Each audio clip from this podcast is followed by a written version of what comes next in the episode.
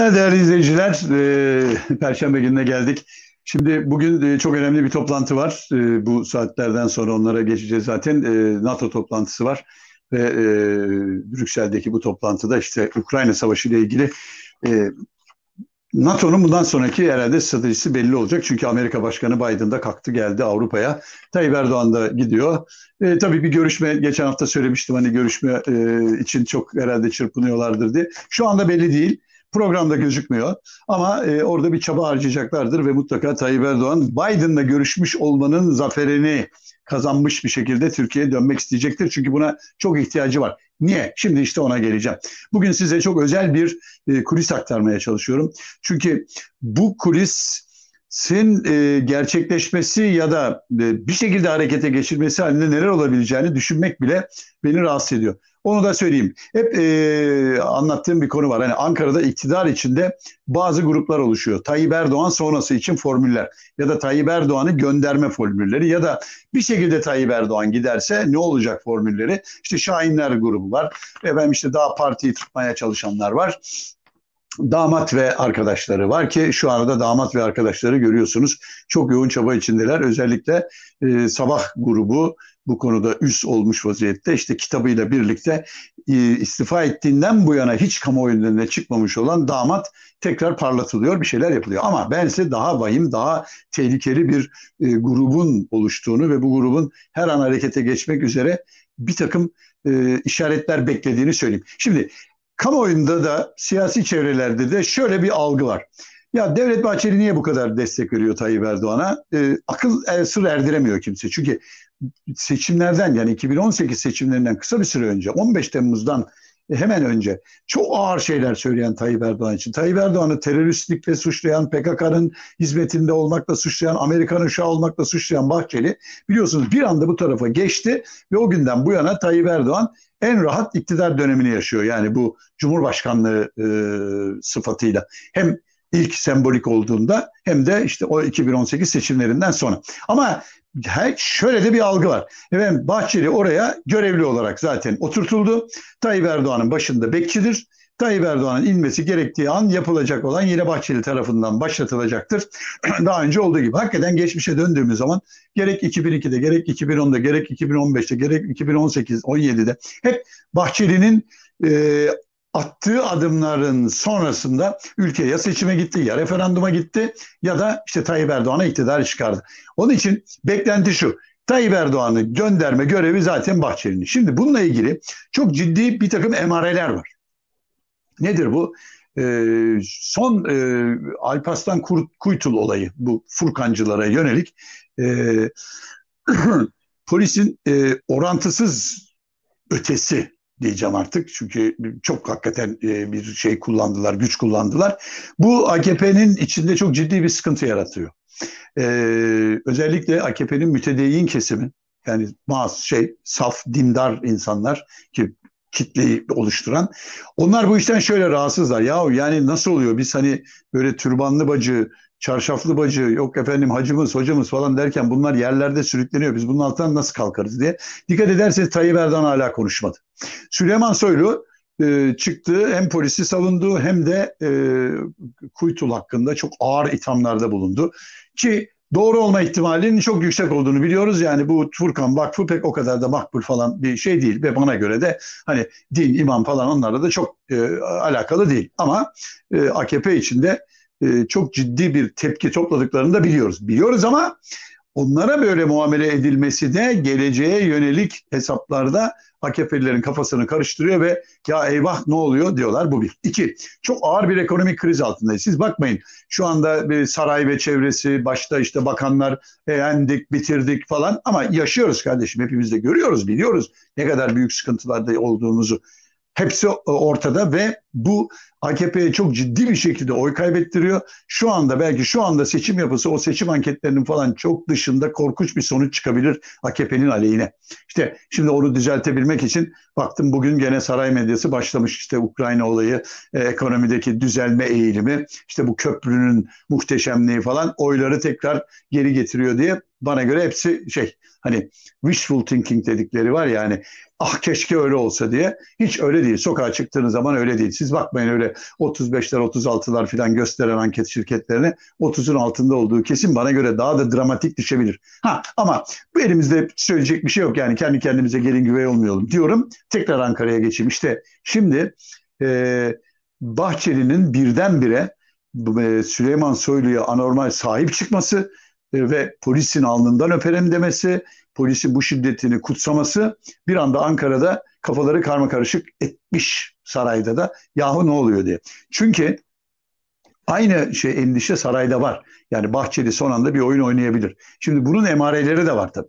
Birincisi Süleyman Soylu. Bakın Süleyman Soylu Furkan olayında hemen vaziyet aldı ve Tayyip Erdoğan'dan da önce bir tavır koydu ortaya.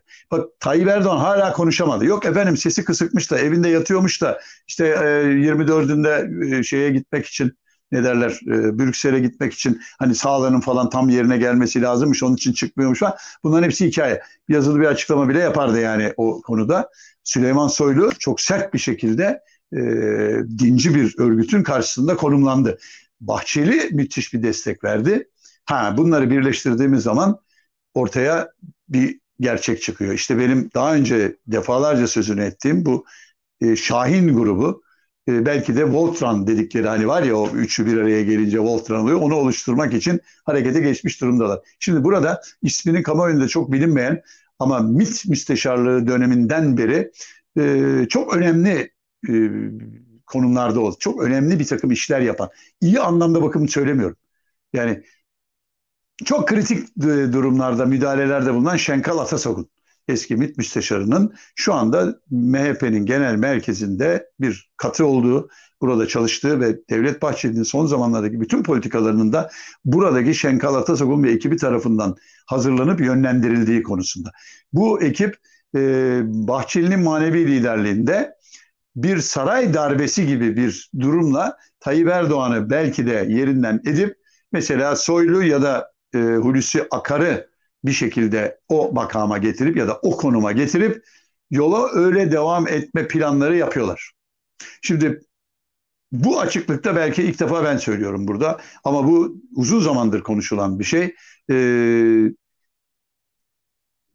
Türkiye'nin şu anda içinde bulunduğu koşulları Tayyip Erdoğan'la aşma ihtimalinin daha düşük olduğunu gören çok geniş bir çevre var. Efendim bu çevre e, muhaliflerin içinde mi, iktidarın içinde mi, muhaliflerle anlaşır anlaşmaz. Şimdi oralar hep bir karanlık.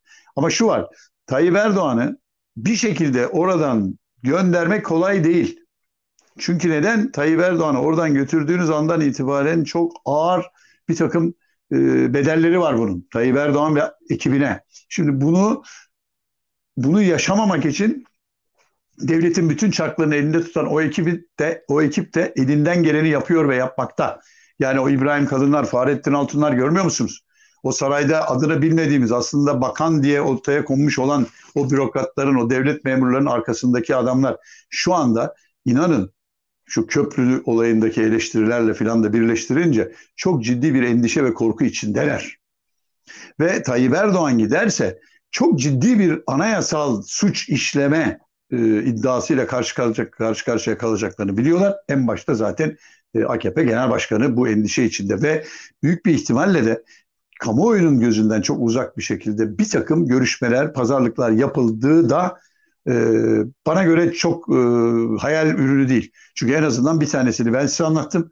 Meral Akşener'in çok yakınıyla yapılan telefon görüşmesinde e, Meral Akşener'e bir çağrı yaptığını, ve bir şekilde yumuşak geçiş olabileceğini ama kendisi dahil 400 kişi için e, bir e, koruma talebinde bulunduğunu zaten ben sizlere aktarmıştım. Ha yalanlamaya kalktılar oldu bu oldu hiçbiri olmadı. Arkasından Bahçeli şeyi yalanlamaya kalktılar o da olmadı.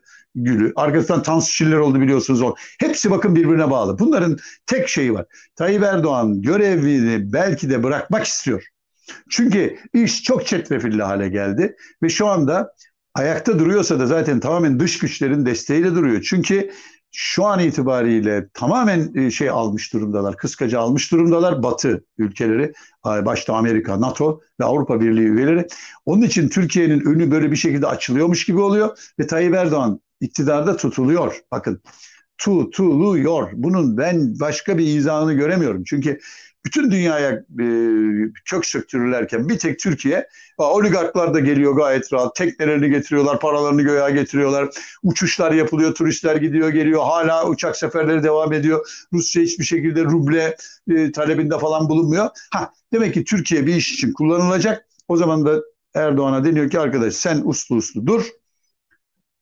Senin üzerinden yaparız. Sen de bu sayede iktidarını devam ettirirsin. Hissiyatım bu.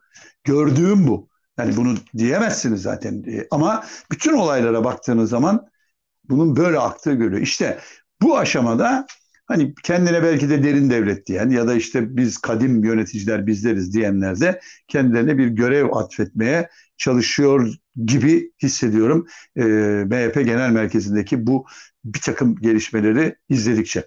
E, tahmin edersiniz bazı şeyleri böyle çok gümbür gümbür söylemek e, o kadar kolay değil. Yurt dışındaki bazı arkadaşlar daha belki rahat anlatıyorlar. Yani bu tür e, bunu anlatan olmadı da hani daha rahat konuşabiliyorlar ama hani e, mazur görün ancak bu kadarını size söyleyebiliyorum. Muhalefetin bu konuda ne yapması gerektiğini de size yarın anlatmak istiyorum. Yani öyle bilgiçlikle söylemiyorum ama yani ne olabilir muhalefet? Çünkü burada muhalefete çok iş düşecek ve hani hem çok avantajlı bir durum hem de çok dezavantajlı bir durum. İşte burada hata yapmadan nasıl yürüyebilir? Elimden geldiğin kadar da yarın anlatmaya çalışacağım. Bugünlük bu kadar. Hepinize iyilikler diliyorum. Hoşçakalın.